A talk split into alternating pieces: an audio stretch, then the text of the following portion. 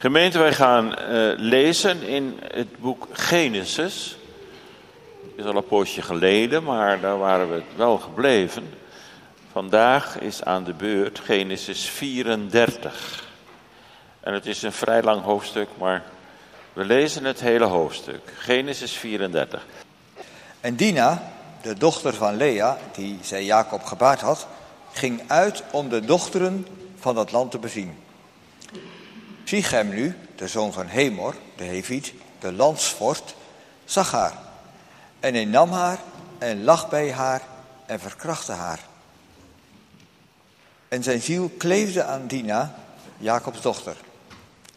En hij had de jonge dochter lief en sprak naar het hart van de jonge dochter. Sichem sprak ook tot zijn vader Hemor, zeggende, neem mij deze dochter tot een vrouw. Jacob hoorde dat hij zijn dochter Dina verontreinigd had. Zo waren zijn zonen met het vee in het veld. En Jacob zweeg, totdat zij kwamen. En Hemor, Sichems vader, ging uit tot Jacob om met hem te spreken. En de zonen van Jacob kwamen van het veld als zij dit hoorden. En het smartte deze mannen en zij ontstaken zeer omdat hij dwaasheid in Israël gedaan had. Jacobs dochter beslapende, het welk alzo niet zou gedaan worden. Toen sprak Hemor met hen, zeggende, mijn zoons Sichems ziel is verliefd op jullie de dochter. Geeft haar aan hem toch tot een vrouw en verzwagert u met ons. Geef ons uw dochters en neem voor u onze dochters. En woont met ons en het land zal voor uw aangezicht zijn woont en handelt daarin en stelt u tot bezitters daarin. Sichem zei tot haar vader en tot haar broederen, laat mij genade vinden in uw ogen en wat gij tot mij zeggen zult, zal ik geven. Vergroot zeer over mij de bruidschat en het geschenk en ik zal geven gelijk als gij tot mij zult zeggen. Geef mij slechts de jonge dochter tot een vrouw antwoordden Jacobs zonen aan Sichem en Hemor, zijn vader, bedrieglijk en spraken, overmits dat hij Dina, hun zuster, verontreinigd had. En ze zeiden tot hen, wij zullen deze zaak niet kunnen doen dat wij onze dochter aan een man geven zouden die de voorhuid heeft, want dat waren ons een schande.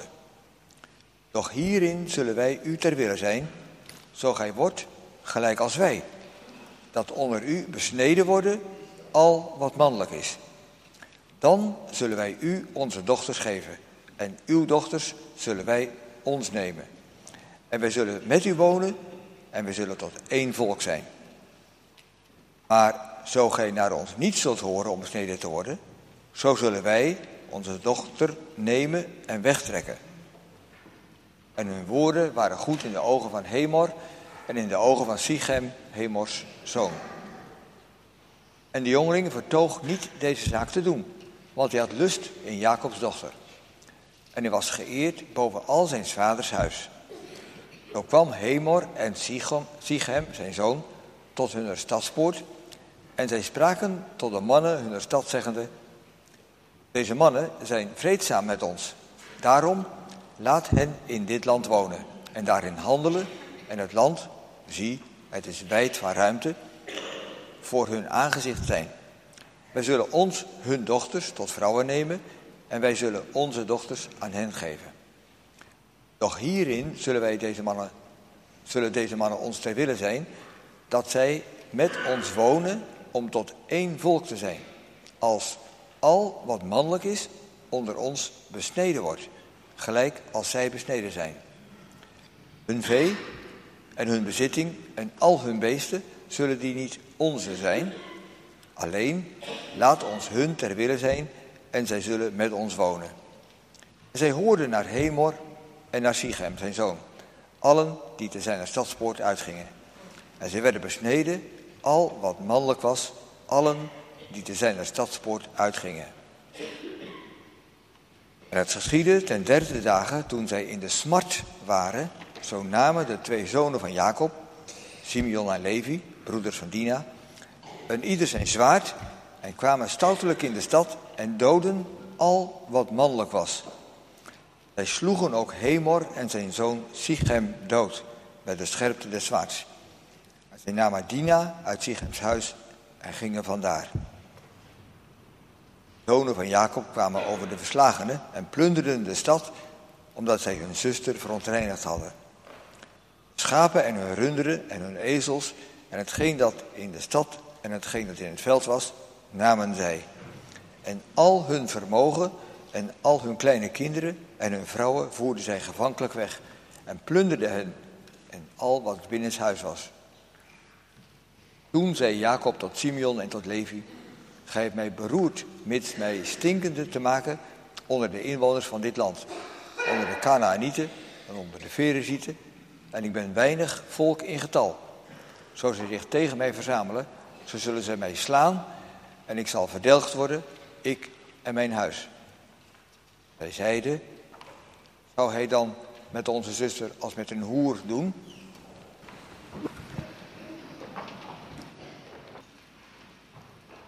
Gemeente, we gaan weer uh, verder met de geschiedenis van Jacob. En Genesis 34 is aan de beurt. We hebben het helemaal gelezen. Toch wel schokkend als je dat allemaal leest. Ik, eh, ik denk dat het verhelderend werkt als we de eerste drie versen. Er gebeurt zoveel in. Als we de eerste drie versen nog een keer lezen. Maar de rest hoort erbij, uiteraard. Dus Genesis 34, 1 tot en met 3. En Dina, de dochter van Lea, die zij Jacob gebaard had, ging uit om de dochters van het land te bezien. Sichem nu, de zoon van Gemor, de Hiviet, de landvorst, zag haar en hij nam ze en lag bij haar en verkrachtte ze. En zijn ziel kleefde aan Dina, Jacobs dochter. En hij had de jonge dochter lief. En hij sprak naar het hart van de jonge dochter. En dan gaat het verder. We zouden als titel, als thema van de preek wel kunnen nemen. Een zwarte bladzijde in de geschiedenis van Jacob. Een zwarte bladzijde. Ten eerste, Dina gaat stappen. In de tweede plaats, Dina wordt misbruikt. In de derde plaats, de broers van Dina nemen wraak. Ik nog een keer herhalen voor degene die het opschrijven. Een zwarte bladzijde in de Jacobsgeschiedenis. Dina gaat slapen, Dina wordt misbruikt en de broers van Dina nemen wraak. Gemeente jongens en meisjes, in het gezin van Jacob is één meisje. Dina. De dochter van Lea. Nou, u kunt zich wel voorstellen wat dat betekent. Eén meisje bij zoveel jongens. Wat zullen die broers, die ondertussen al jonge mannen geworden zijn, hun zusje verwend hebben? Dachten jullie niet? Dina dochter van Jacob en Lea. Dina heeft een aantal volwassen broers, maar zoals we het lezen is zij waarschijnlijk, ja, wat wij dan noemen een nakomertje. Dat leven thuis, tussen al die herders, was toch eigenlijk een beetje op den duur een beetje eentonig en een beetje saai voor Dina. In eindeloze regelmaat keerde alles weer terug, iedere dag.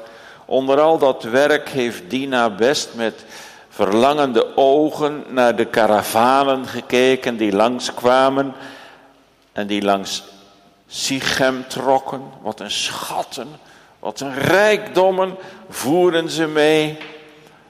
En toen Jacob daar besloot te blijven, stelde hij zijn vrouwen en kinderen wel bloot aan de invloed van die heidense stad.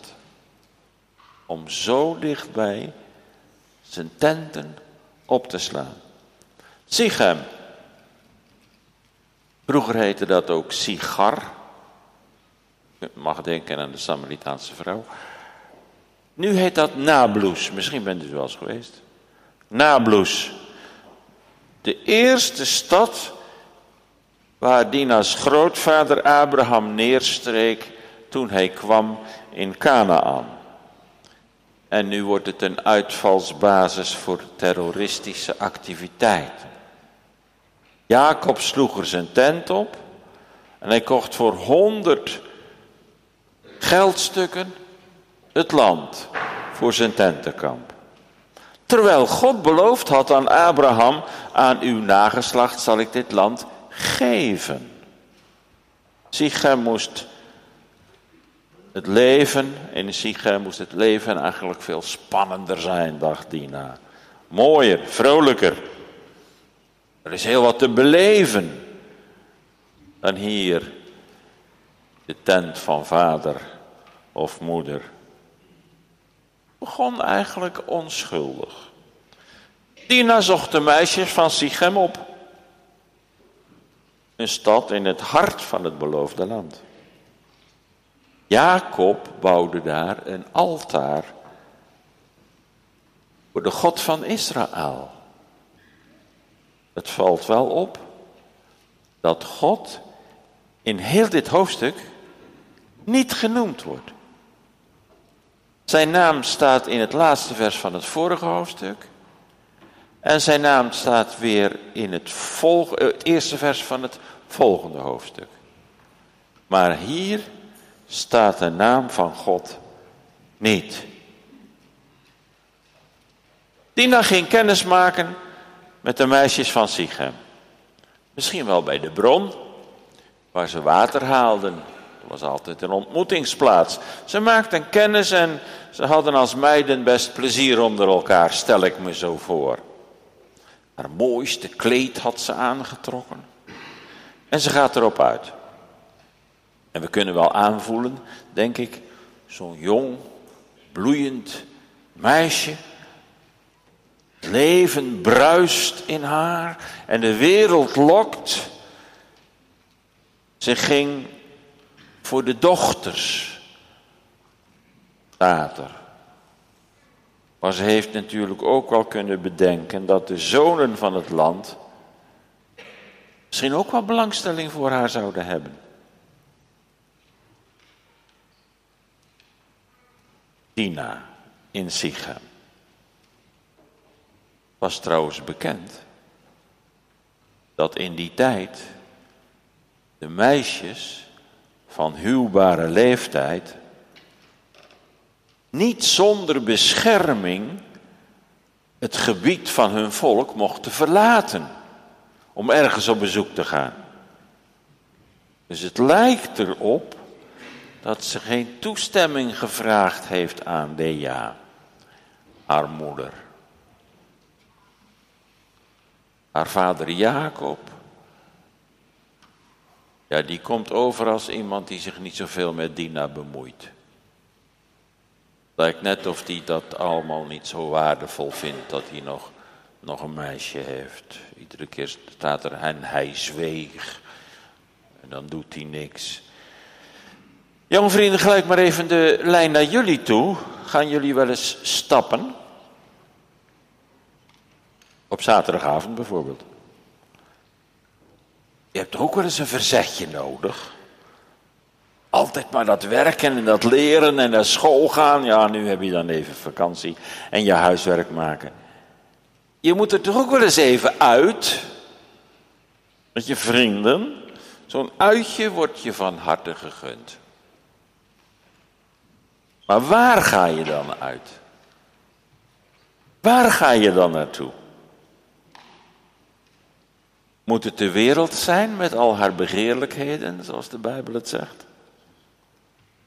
Hoe opwindender, hoe mooier. Het seks en drank en wiet, hoe beter. Ga jij zo ook uit om te kijken wat er in de wereld te koop is? Ja, ik, ik, denk dat voor jullie er al heel veel bekend is wat in de wereld te koop is. Kijk alleen maar naar je iPhone, wat je daar allemaal kunt zien en bereiken. Maar jij hoort wel bij de gemeente.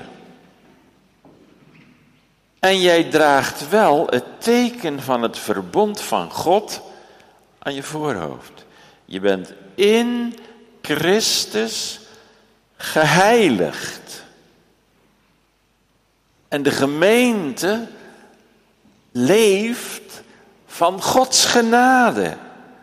Ouderen en jongeren vertellen geen succesverhaal over hun geloof, maar ze mogen wijzen op de Messias. Dat mogen wij doen als ouders. Leven uit Hem. Bij de beschrijving van dit alles laat Mozes de zwarte bladzijde van ons hoofdstuk niet over. We moeten het lezen. We moeten het met aandacht lezen. Om te ontdekken waar voor ons allerlei valkuilen liggen. Om onszelf te leren kennen ook. Misschien schrik je ervan, omdat je iets van jezelf herkent hierin. Misschien schaam je je ervoor. Omdat jij weet hoeveel schade je hebt berokkend aan de naam van God en aan de naam van mensen. Nou, des te meer verwonderd mag je zijn over de genade van God dat je hier weer in ons midden in de kerk bent of misschien nog meeluistert met de kerktelefoon. Want zwarte bladzijden laten niet alleen onze zonden zien, maar ook het goud van Gods genade en trouw en geduld, want de Heer gaat wel door. Hij laat het niet zitten. Dus ik zei zo, wat is de vulling van jouw zaterdagavond? Of misschien moet ik het nog anders zeggen, nog radicaler. Je bent het gewoon beu thuis. Altijd maar dat toezicht van je ouders en altijd maar die christelijke regels. Eigenlijk heb je er schoon genoeg van. Je gaat het huis uit. Misschien nog wel naar de kerk. Maar het plan broedt al in je. En straks neem je je kansen waar. Eindelijk is wat anders. Eindelijk is een beetje van het leven genieten. Eindelijk weer eens wat meer van de wereld zien. Herken je deze klanken? En wat kan die wereld boeien? Met al haar begeerlijkheid. Dat leven met de Here, dat lijkt sommigen maar grauw en grijs. Dan de wereld nog eens. Daar hebben ze dit en daar hebben ze dat. Dat is vol bonte kleurigheid, vrolijkheid. En daar hoef je trouwens niet eens jong voor te zijn, gemeente. Je hoeft daar geen 16 of 17 jaar voor te zijn om de dochters van het land te gaan bezien. De jeugd wordt er vaak op aangekeken. Maar wie zal zeggen in wat voor gelegenheden ook net de keurige zondagse christenmensen komen? kan heel ontdekkend voor ons zijn wat we hier tegenkomen in de Bijbel. Zo gaat Dina gespannen, vol verwachting. Haar wangen gloeien, haar hart klopt in haar keel. En hoe loopt dat af? De plaats die Jacob heeft uitgekozen om te gaan wonen, heeft een rampzalig gevolg voor zijn gezin. Waar breng je je gezin? Dina wilde wel eens de meisjes zien en leren kennen. Dat kunnen niet anders dan de meisjes van de wereld zijn in dit geval. Zoekt gezelligheid. Bij de meisjes van dit land. Meisjes in de wereld die. Ja, die, die zijn eigenlijk niet zonder de aandacht van de mannen. Dat kan je toch ook wel begrijpen. Tina gaat stappen. In de grote stad voor die tijd. Sichem. Wel met de meiden mee. Maar ondertussen weet iedereen dat de jongens natuurlijk ook hun ogen niet in hun zak hebben. Uitgaan met niet-gelovige jongens en meiden.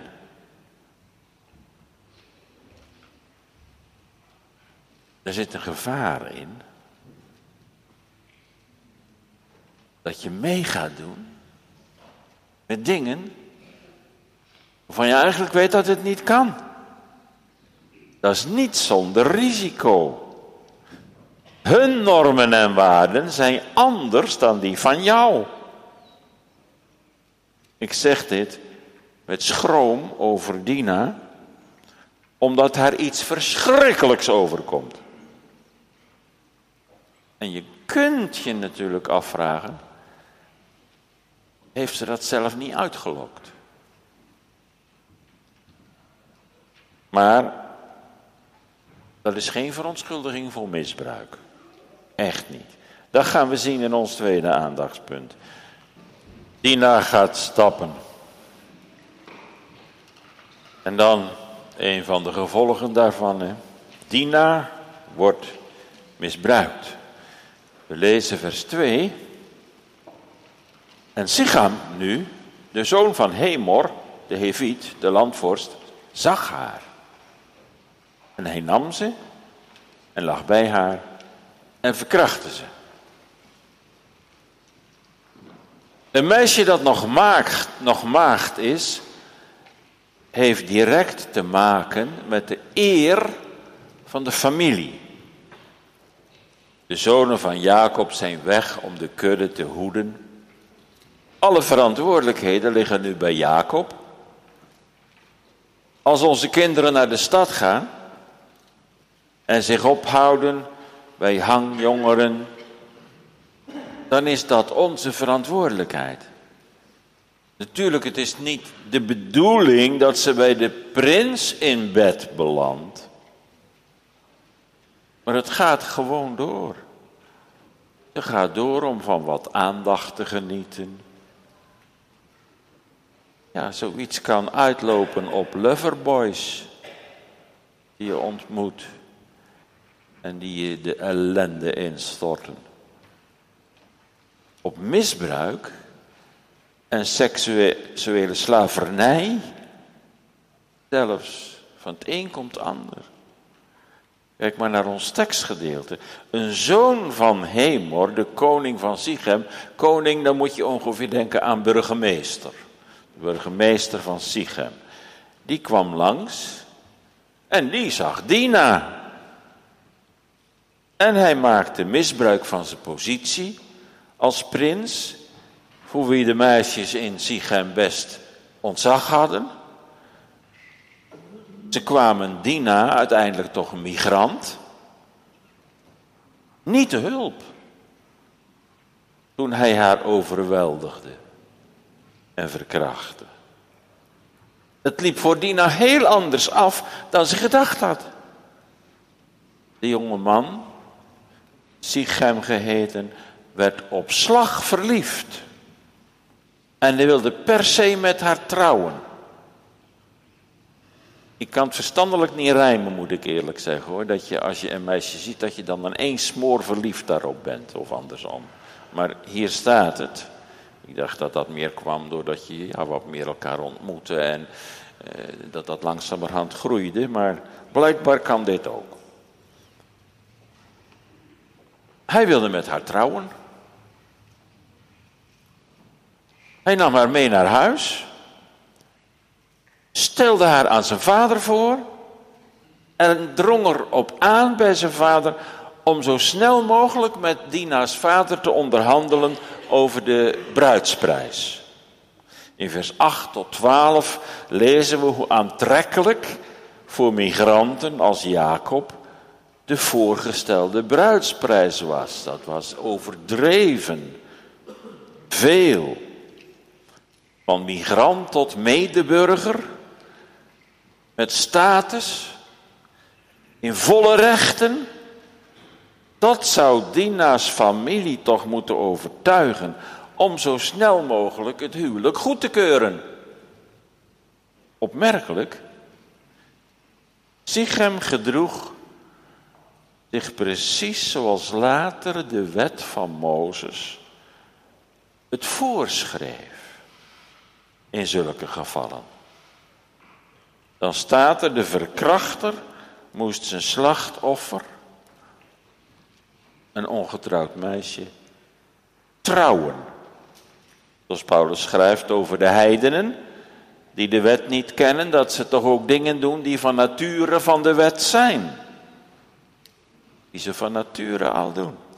De Canaanieten, of de Canaaniet Sichem, gedroeg zich fatsoenlijker dan Dina's broers, die de God van Israël aanbaden. En hoe reageerde Jacob, Dina's vader, op alles wat er gebeurd was? Hij reageerde er helemaal niet op. En Jacob zweeg. In vers 5 is te lezen dat, we, dat Jacob een pas op de plaats maakte en op de thuiskomst van zijn zoons wachtte, voordat hij inging op die bruidsprijs voorstellen van Hemor en zijn zoon. Hij liet het, onverstandig genoeg, aan het initiatief van zijn zonen over. Een bewijs van falend ouderschap. Wij weten niet wat hij van de verkrachting van Dina gedacht heeft. Daar horen we helemaal niks over.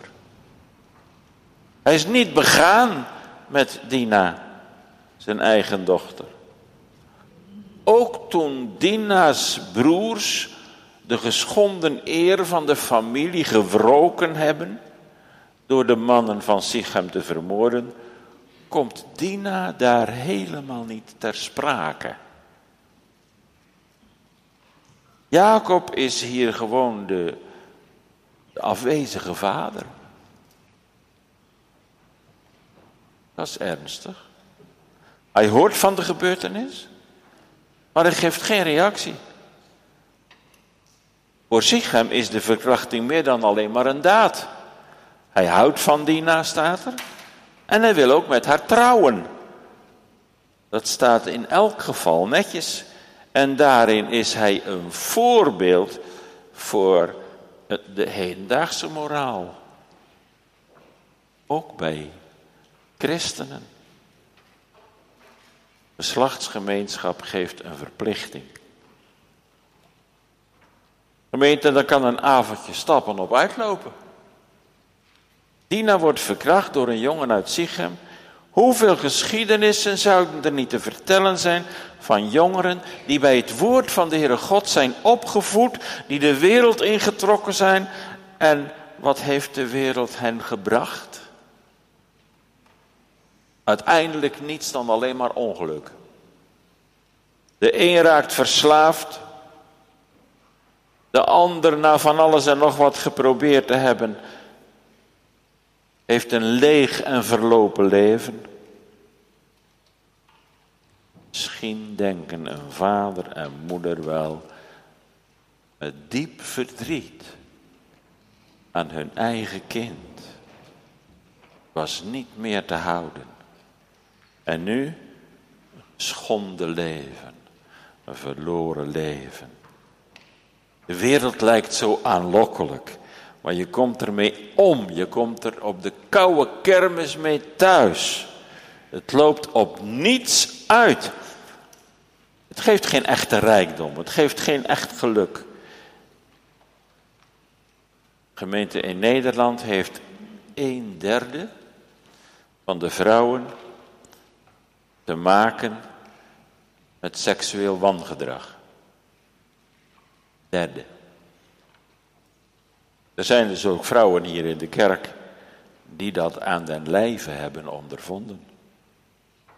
En mannen die zich daaraan hebben schuldig gemaakt.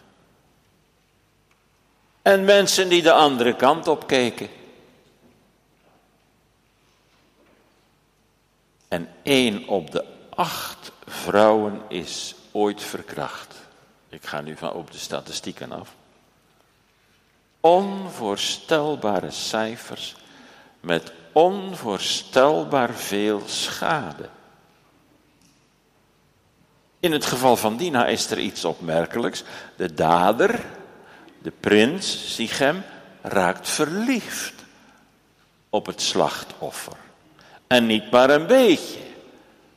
Laat echt dat hij smoor verliefd werd. Dat gebeurt maar zelden bij verkrachters. Heel zijn wereld komt bij elkaar in de onstuitbare wens om bij Dina te zijn en met Dina te trouwen. Heeft er alles voor over: zijn geld, zijn lichaam, zijn positie. Ja, verliefdheid is een sterke kracht, een vuur. Dat gemakkelijk met je op de loop gaat. Eens goed over nadenken. Wel mooi allemaal, maar het gaat hier over een dochter van Jacob en een, een heiden. Sichem heeft zijn hart verloren aan Dina. Hij geeft vader Jacob hij heeft zijn eigen vader opdracht om alles te regelen. Dat was zo, hè? De vader van de zonen die een vrouw wilden, die moesten de bruidschat regelen. Volgens de gebruikelijke regels van die tijd. Ook volgens de regels van de latere wet van God overigens. Waar is opgenomen dat een stel dat seks heeft gehad voor het huwelijk met elkaar moet trouwen. Zegt de Bijbel. Terwijl de vaders met elkaar rustig beraadslagen, zitten Jacob's zonen te knarsen tanden. De broers van Dina voelen zich verantwoordelijk. Je komt niet aan mijn zus. Haar maagdelijkheid is geschonden. Die smerige Sichem, Sichem, die heeft hun zus als een hoer behandeld, staat er in het laatste vers. Dat roept om wraak. Eerwraak. Dan gaat het niet maar één om de eer van hun zus, maar dan gaat het om de eer van heel de familie. Ze bedenken een bedriegelijke list, Simeon en Levi. En dat is het derde ga nog even niet zingen. De broers van Dina nemen wraak. En dan moeten we lezen in vers 13 tot 15. Toen antwoordde Jacob's zonen aan Hemor, Sichem en Hemor zijn vader bedriegelijk. ze spraken over mits hij, dat hij Dina hun zuster verontreinigd had. En zij zeiden tot hem, wij zullen deze zaak niet kunnen doen, dat wij onze zuster aan een man geven zouden die de voorhuid heeft, want dat waren ons een grote schande. Daarin, doch daarin zullen wij u ter wille zijn, zo gij wordt gelijk als wij zijn, dat onder u besneden wordt al wat mannelijk is. Ja, dan gaan ze op de vraag in. Dan zouden ze kunnen verbroederen Weet je, zeggen we, zeggen ze tegen de Sigamieten. Wij zijn van Israël. En dat is een bijzonder volk. Dat is het uitverkoren volk van God. En het is voor ons een schande als er een onbesnedene bij de familie komt. En als jullie je nu laten besnijden, dan zullen jullie eens net zo zijn als wij en dan zijn we één volk. En dan kunnen jullie genieten van onze dochters en wij van die van jullie. Wat doet deze familie van God? Ze weten toch dat de besnijdenis een teken van Gods heilig verbond is. Gods genadeverbond. Ze hebben toch begrepen dat het uiterlijke teken gepaard moet gaan met de innerlijke toewijding van je hart en de liefde tot God. Hoe halen ze het in hun hoofd om de besnijdenis te presenteren als een voorwaarde voor, nou ja, uiteindelijk commerciële activiteiten? De mannen van Sichem stemmen met het voorstel in. Ze laten zich amas besnijden. En op de derde dag, als de wondkoorts het hevigst is, overvallen Simeon en Levi, twee echte broers van Dina, die overvallen hen. Erger misbruik van het sacrament van God kun je je haast niet voorstellen. Alsof hun vijanden de doop aanbieden en hen vervolgens in een doopwater laten verdrinken. Zoiets. Alsof hun vijanden het avondmaal voorzetten, maar wel gif in de wijnbeker doen. Dat gaat echt alle grenzen te buiten. Complete gemeenschap uitgemoord. Genocide. De mannen gedood, de vrouwen, kinderen, slaven en het vee buitgemaakt. Onredelijk geweld, IS-achtige praktijken, religieus fanatisme, etnische terreur en dat bij de kinderen van Jacob, de stamvaders van het volk van Israël. Daar steekt de moraal van de wereld nog positief bij af misbruik van seksualiteit. Misbruik van het sacrament. Misbruik van het vertrouwen. Misbruik van het geweld. O gemeente, wat maken mensen veel kapot?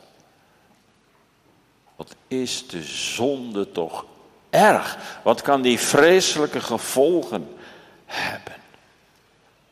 Als ze zich laten leiden door hun hartstochten, seksuele begeerte, woede, eerzucht, jaloezie, de zwarte bladzijden in de geschiedenis van het volk van God, staan vol met daders, slachtoffers en toeschouwers. We lezen in de laatste vers van het vorige hoofdstuk dat Jacob daar bij Sichem een altaar voor de Here maakte. Kijk maar eens in 33:20. En hij richtte al daar een altaar op en noemde het de God van Israël is God. Dat is tegen alle heidense afgoden in. Jacob bouwde een altaar toen hij daar bij Sichem ging wonen voor God, de God van Israël. Maar God komt niet voor in dit hoofdstuk.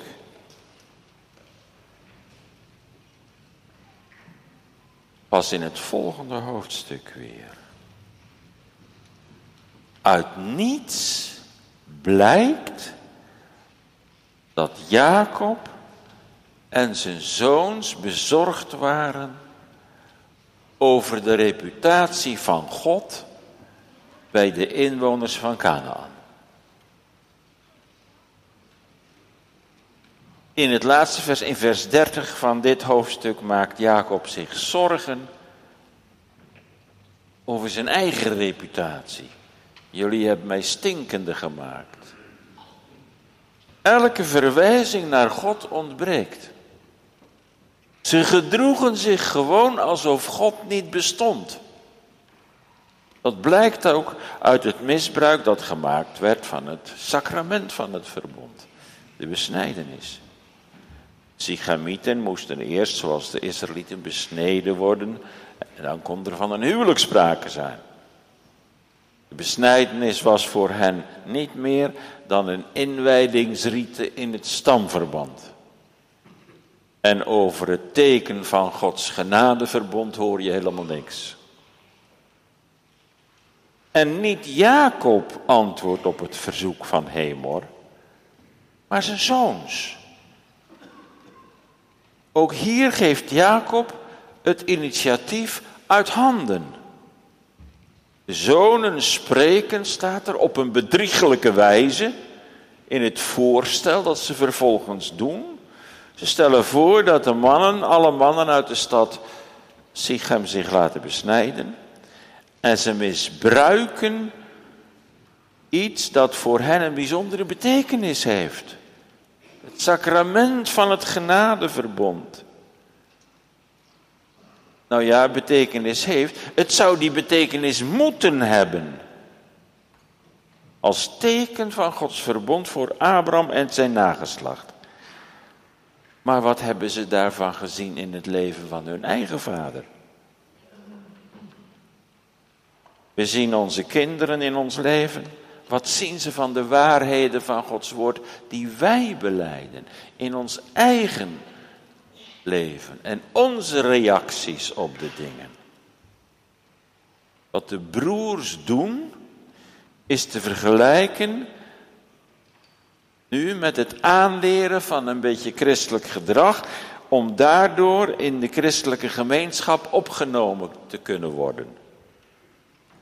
Het komt wel voor dat ouders toestemming geven voor het huwelijk van een dochter op voorwaarde dat de man meekomt naar de kerkdienst, naar de gemeente en zich hopelijk later nog eens een keer laat dopen.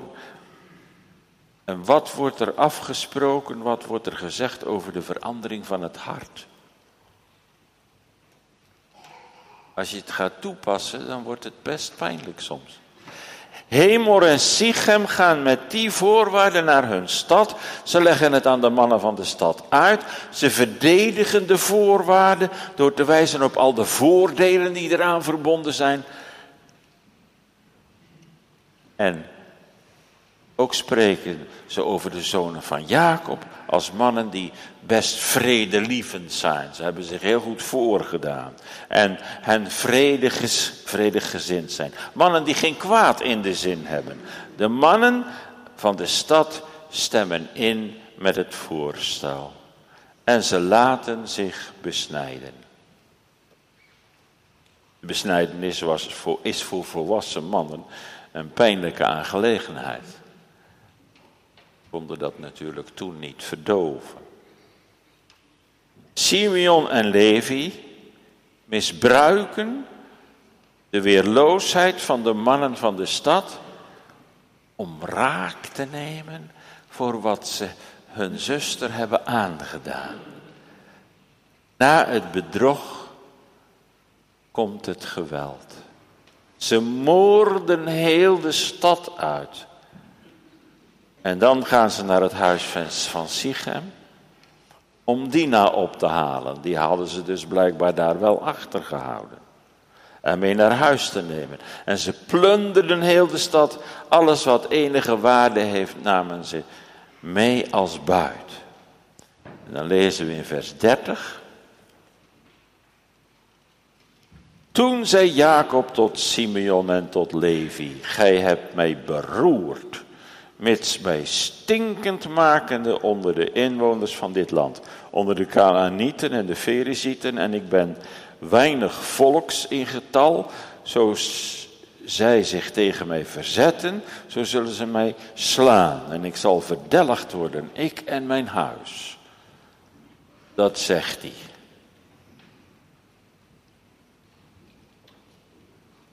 Gaat alleen maar om hemzelf.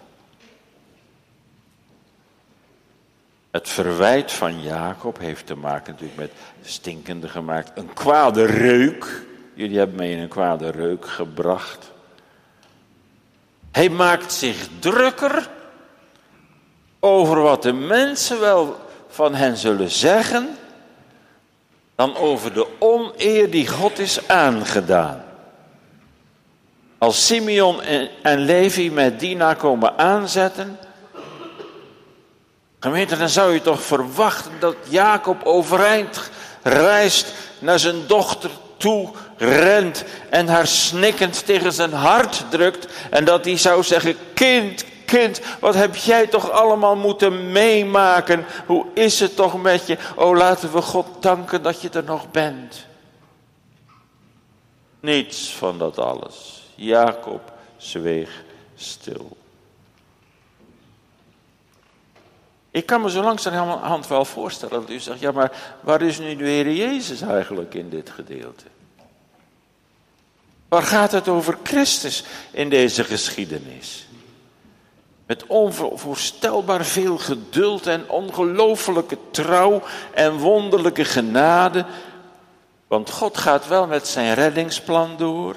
En door het geloof in de Heer Jezus Christus mogen onze ogen open gaan voor de diepe innerlijke rijkdom die er in Hem als borg en zaligmaker te vinden is. Dat Hij leefde volgens de wet, dat Hij stierf aan het kruis voor de zonde, dat Hij in liefde bad voor zijn beulen. Je kan heel de lijdensgeschiedenis erbij halen. Hij is toch de hemelse bruidegom, waar de bruid van zegt, alles wat aan hem is, dat is gans begeerlijk, dat is een en al begeerlijkheid. In Christus, als we zijn zelf overgevende liefde zien, wat hij over heeft voor zijn bruid. De wereld slokt je helemaal op. De wereld verteert je levenskracht en je levensvreugde ook. En je blijft uitgeblust en leeg achter. Maar de Heere Jezus is de enige die echt leven geeft. Nieuw leven, sprankelend leven. De volheid van vreugde. Vreugde van het eeuwige leven, dat alles doortrilt en doortintelt. De wereld heeft niks voor ons over. Die wil alleen maar hebben. En Christus wil alleen maar geven. Hij gaf zichzelf tot in de dood. En daarom mag je nu nog uitgaan. Niet om de dochters van dit of dat land te bezien, maar om de koning te zien in zijn schoonheid. De Heere Jezus in zijn ontfermende liefde. De koning die zichtbaar wordt in het evangelie dat geopend en gelezen wordt. Zijn kruis, zijn opstanding, zijn hemelvaart. En wat hij nu in de hemel voor ons doet. Hij beschermt, hij regeert, hij bidt. Maar Simeon en Levi nemen hun zwaard. En ze zaaien dood en verderf in de stad Sichem. En ze voeren een duivels plan uit, notabene met via het heilige verbondsteken van God. Vreselijk is dat. En dan te bedenken dat tegenover Sichem het altaar van de Heere stond waar zijn naam werd aangeroepen en uitgeroepen. Daar hebben Simeon en Levi ook bij gestaan.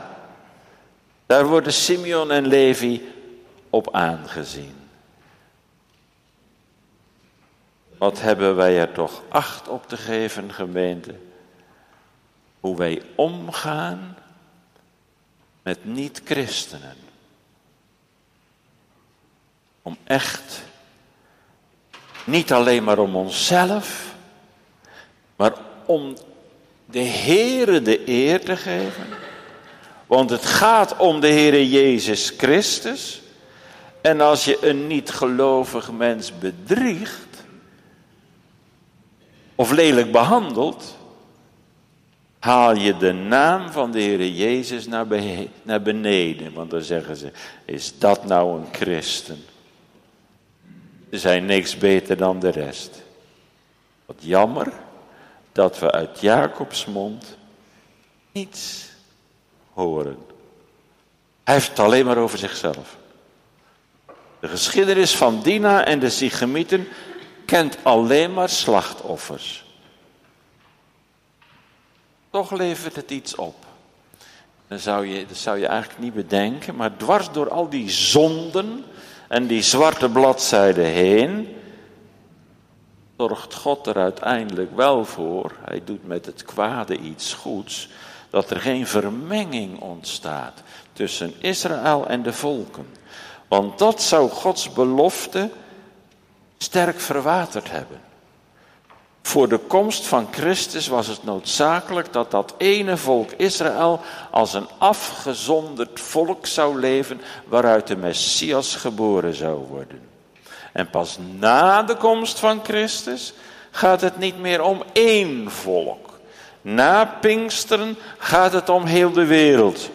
Paulus wordt de Joden een Jood en de Grieken een Griek. En iedereen alles, opdat hij maar enigen behouden mocht. Om alle culturen, landen, talen, naties het evangelie te brengen. Ze mengen zich onder de mensen en blijven herkenbaar als getuigen van de Heere Jezus. Dankzij de kracht van de Heilige Geest, uitgestort op de Pinksterdag. In de tijd van Jacob lag dat als een stip aan de horizon. Volk moest apart blijven, heilig voor God.